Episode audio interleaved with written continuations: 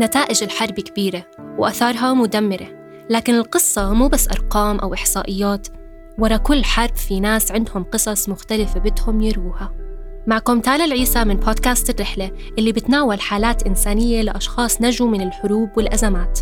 مع بعض رح نسافر على الأماكن اللي بتلقى فيها جرحى الحروب واللاجئين المرضى. العلاج الطبي اللازم من منظمة أطباء بلا حدود المتواجدة بسبعين دولة حول العالم. بحلقتنا اليوم رح نسمع قصة جريح من درعا. دخل على الأردن ليتلقى العلاج بعد ما أصيب في قصف وانقطعت رجله خلال الحرب والتقى هون بأهله بعد أربع سنين غياب. موسى شاب عمره 24 سنة ولد وعاش بدرعا في سوريا. بحياة بيوصفها إنها بسيطة ما كان يحب المدرسة. تركها واشتغل على بسطة فواكه وخضار وهو بعمر 15 سنة. وبلش يخطط يتجوز البنت اللي كان بحبها. بس لما قامت الحرب كل هاي الأحلام تخربطت تحديدا في سنة 2013 لما أهله لجأوا للأردن وهو ضل في درعا. يعني هني صار الخبط يعني ما بعرف مدني أو إنه بيلحقوا العسكريين أو إشي. كانوا يخبطوا عشوائي القصف عشوائي العالم. العالم كلها يعني شو؟ لجأت في الأردن لهون وجت لهون. يعني ما ضل حدا هنيك. يعني كل العائلات طلعوا طلعوا. يعني ما ضل حدا هنيك بسبة القصف والطيران والخبط يعني بس. وأنا ضليتني هنيك عبسطة خضرة يعني بشتغل. طلعوا أيامها كنت شو بدي أبيع أغراض البيت يعني. أنا طلعوا بدي أدير بالي على البيت يعني. وهيك قلت أنا بلحقهم يعني. بعدين لحد إنه ما عاد في يعني دخول صار صعب شوي الدخول يعني.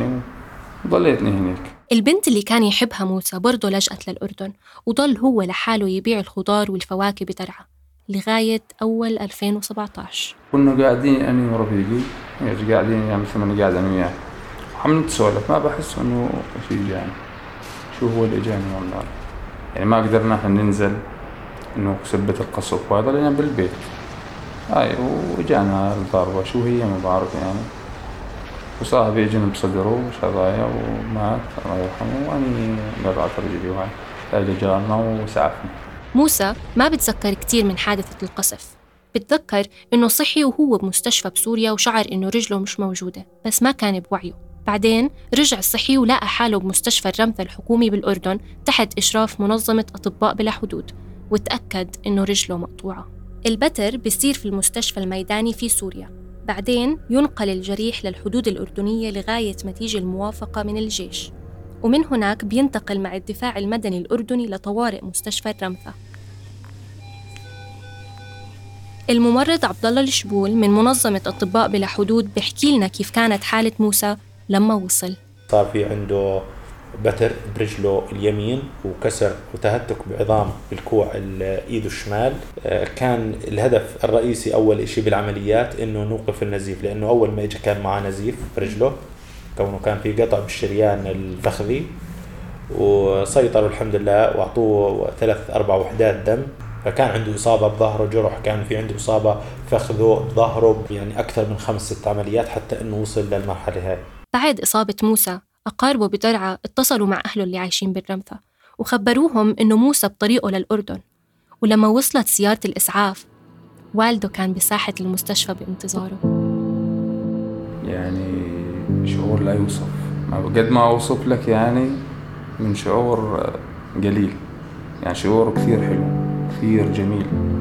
يعني بس لقيتهم هيك دمعتي نزلت بس شفتهم يعني.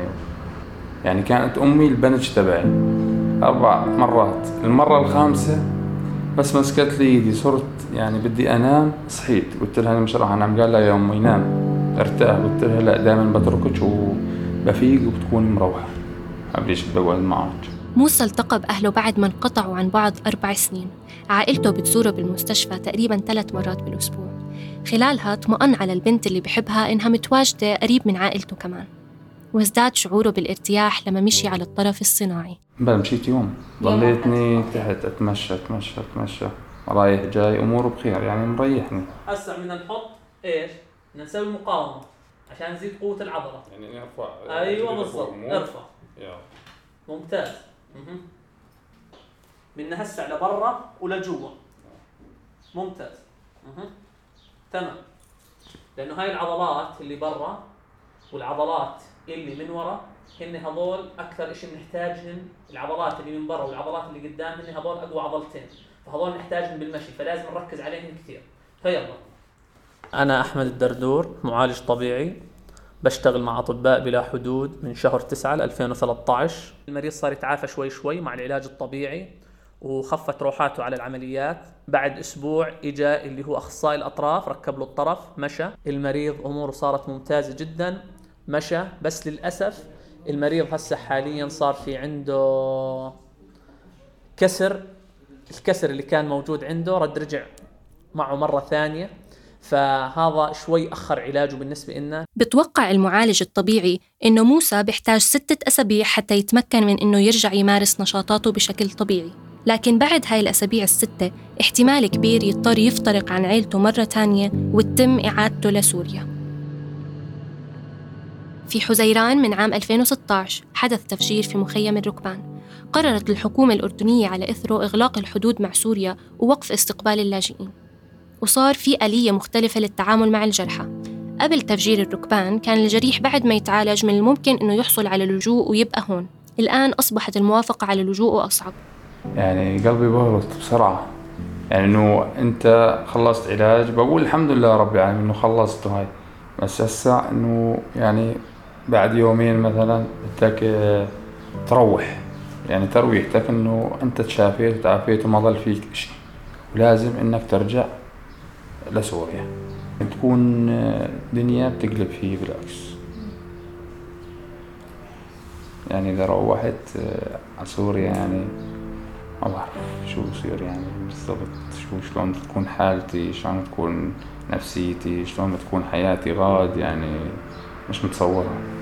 بعرف إنه أي جريح بدخل لهون لذلك بده يرجع سوريا يعني إنه وضعي يعني غير يعني مثل اللي عم يرجعوا هاي أهلهم هناك اللي زوجته هناك اللي يعني هيك له أنا مالي حدا. كتبت أنا إنه ماليش حدا. وأهلي هو أنا وهي وإن شاء الله خير كنا معكم من التقديم تالا العيسى من الإعداد دانا جبريل ومن الهندسة الصوتية محمد حجازي وأندوني حنا.